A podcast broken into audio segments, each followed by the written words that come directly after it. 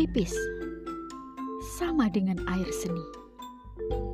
Seniman bisa juga jadi pipisman.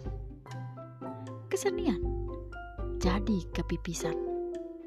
Dan pertunjukan seni jadi pertunjukan pipis. Pesan jangan pipis sembarangan. Mungkin kurang lebih jangan sok nyenik